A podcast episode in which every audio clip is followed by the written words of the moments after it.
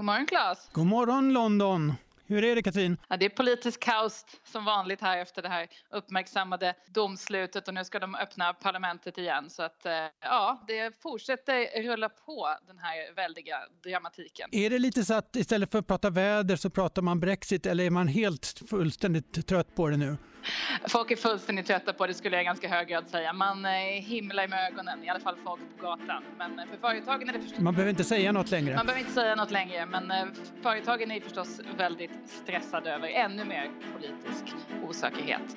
Men jag tycker att vi kör igång nu. Jag heter Katrin Marsall. Och jag heter Claes Molén. Och det här är Brexitveckan.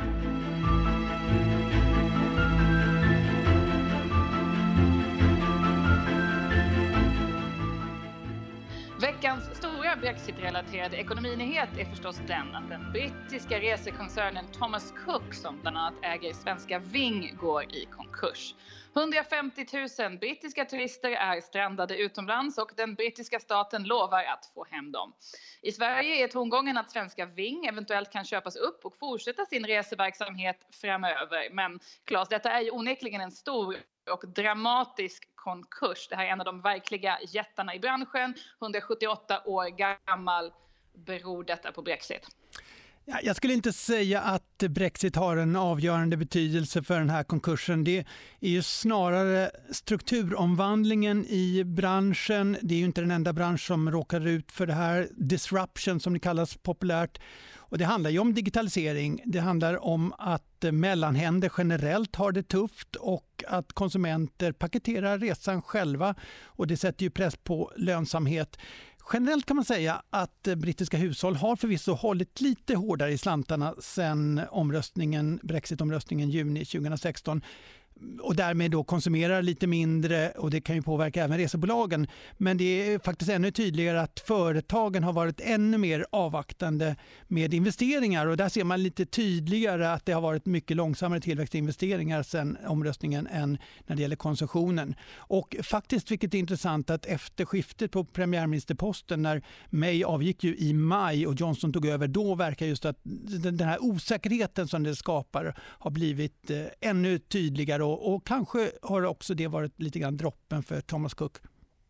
Vad tror du om det här med valutan då? Pundet har ju gått ner ganska rejält sedan omröstningen 2016 och Thomas Cook de skyller ju delvis på det här i ett uttalande. De fick även medhåll, jag vet inte om du såg, men Richard Branson som är en annan man i bland annat resebranschen. Han skrev en ganska intressant blogg häromdagen där han just också pekar på fallet i punden och att pundet och att just reseindustrin är väldigt känslig eftersom de stora kostnaderna ligger i dollar, alltså flygplan, hyra flygplanen, upprätthålla standarden i flygplanen och så vidare. Och han menar bland annat att det här kan ha varit droppen för Thomas Cook. Absolut.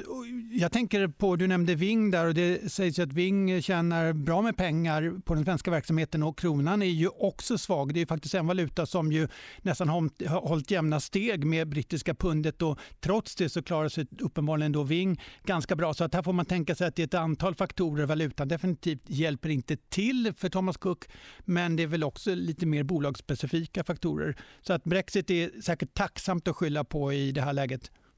Ja, nej precis. De har ju, man ser ju de här Thomas Cook fysiska reseaffär, reseaffärerna här i Storbritannien. Jag tror de har 500 stycken fysiska affärer och det här är ju kanske att vara lite sen i en strukturomvandling av resebranschen då, att fortfarande ha 500 stycken affärer, eller hur? Ja, men det har vi sett i flera, inte minst detaljhandeln har ju otroligt pressat läge och just att ha många fysiska butiker är dyrt och i ett läge där konsumenten i allt större utsträckning konsumerar digitalt så blir det olönsamt. Mm, mm. Men du säger att de lyfter fram Brexit då lite som att de skyller ifrån sig. Är det här någonting generellt med brittiska företag? Alltså att det, Brexit är lätt att skylla på? Det var en liknande diskussion här i våras här i Storbritannien minns jag när Nissan fattade beslut om att sluta producera sin X-Trail-modell i Storbritannien och där det antagligen berodde mer på bristande efterfrågan i Europa på just dieselmodeller. Det här var en dieselmodell som man skulle producera men att det tolkades som en Brexit-grej vilket kanske var ganska bekvämt. Ja, men det tror jag att generellt så vill man ju som eh, företagsledare peka på externa faktorer som man inte kan påverka och det gäller ju även konjunkturläget. Det vill man ju också när, det, när vi går mot lågkonjunktur tenderar man att säga att visibiliteten är sämre och eh, osäkerheten stor och det gör att man måste då förvänta sig sämre resultat. Brexit naturligtvis utmärkt eh, att skylla på men vi ska komma ihåg att det är klart att det har påverkat och kommer fortsätta att påverka. Osäkerhet är ju negativt för efterfrågan generellt. Vi var inne på det, konsumenterna tenderar att spara mer, konsumera mindre och ofta får det ju ännu större påverkan på företag där man ju kanske ofta har lätt lättare att avvakta med investeringar. Och Det är det vi har sett i Storbritannien, även om kanske effekterna inte har blivit riktigt så dramatiska så här långt jämfört med vissa prognoser.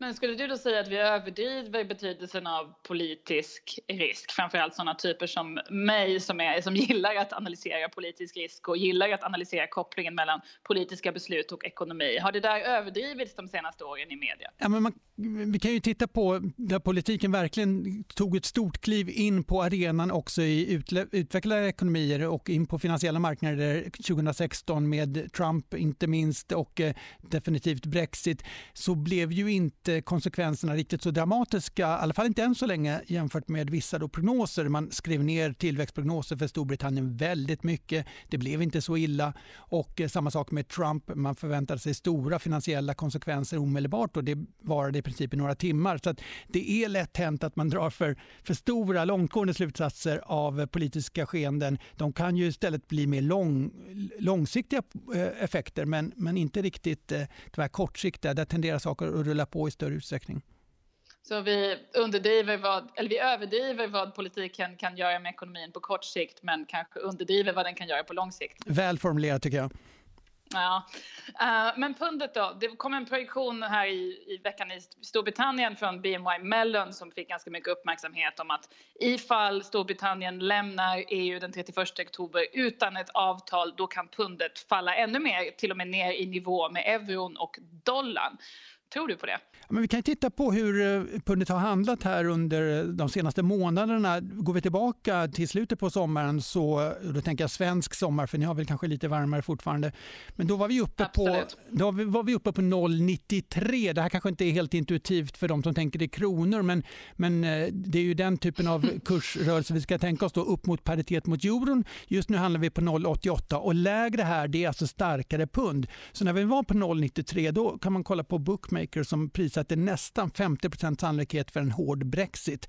Och eh, nu är vi nere på omkring ja, under 20 procent skulle jag säga efter turerna inte minst i det brittiska underhuset och alla motgångar för Johnson. Så översätter vi det där i kursrörelse så är det, inte, då är det väl ganska nära att en, skulle vi ha 100 procent säkerhet för hård Brexit, det vill säga att det har ägt rum, ja då kan man tänka sig att vi når paritet mot euron. Men jag tror inte att det är en uthållig nivå. I så fall är det ett läge där man antagligen ska om, som investerare gå åt andra hållet och köpa pund. Jag tror att det skulle skulle bli väldigt kortsiktig rörelse. Det skulle bli för billigt med pund helt enkelt. Och du tror generellt inte på en hård brexit den 31 oktober, alltså en hård avtalslös brexit? Nej, men, ja, nu är vi inne på politikens område och det är alltid vanskligt. Det är många som, som gissar på det här. Vi har ju ett antagande att det inte blir en hård brexit och det är klart jag tycker saker och ting som, som spelar ut nu inklusive Högsta domstolens beslut det talar ju emot att Johnson kan driva det här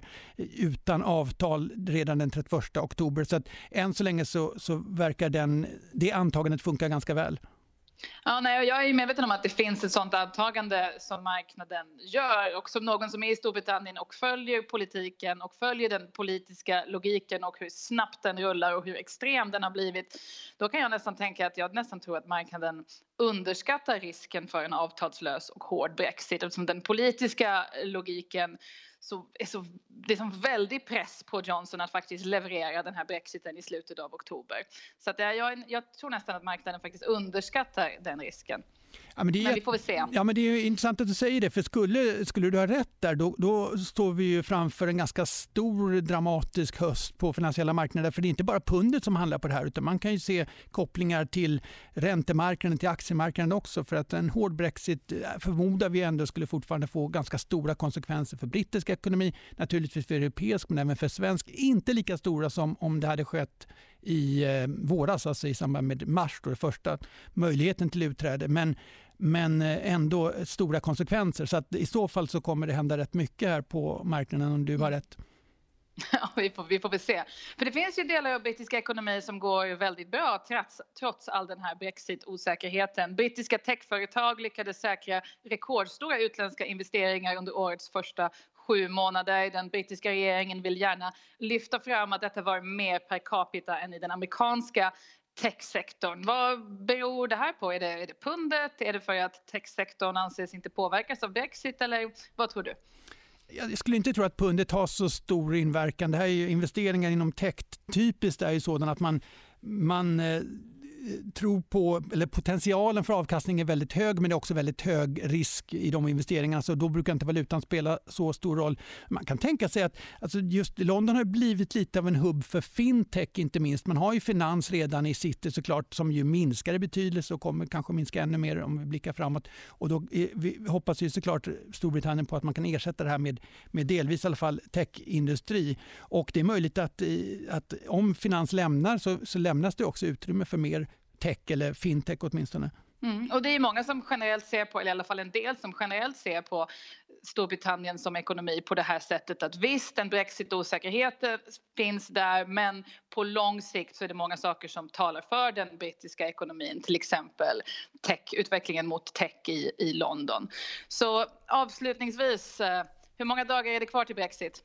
Det är väl, ska vi se nu, det är 36 tror jag officiellt till i alla fall det som än så länge är det officiella datumet, 31 oktober.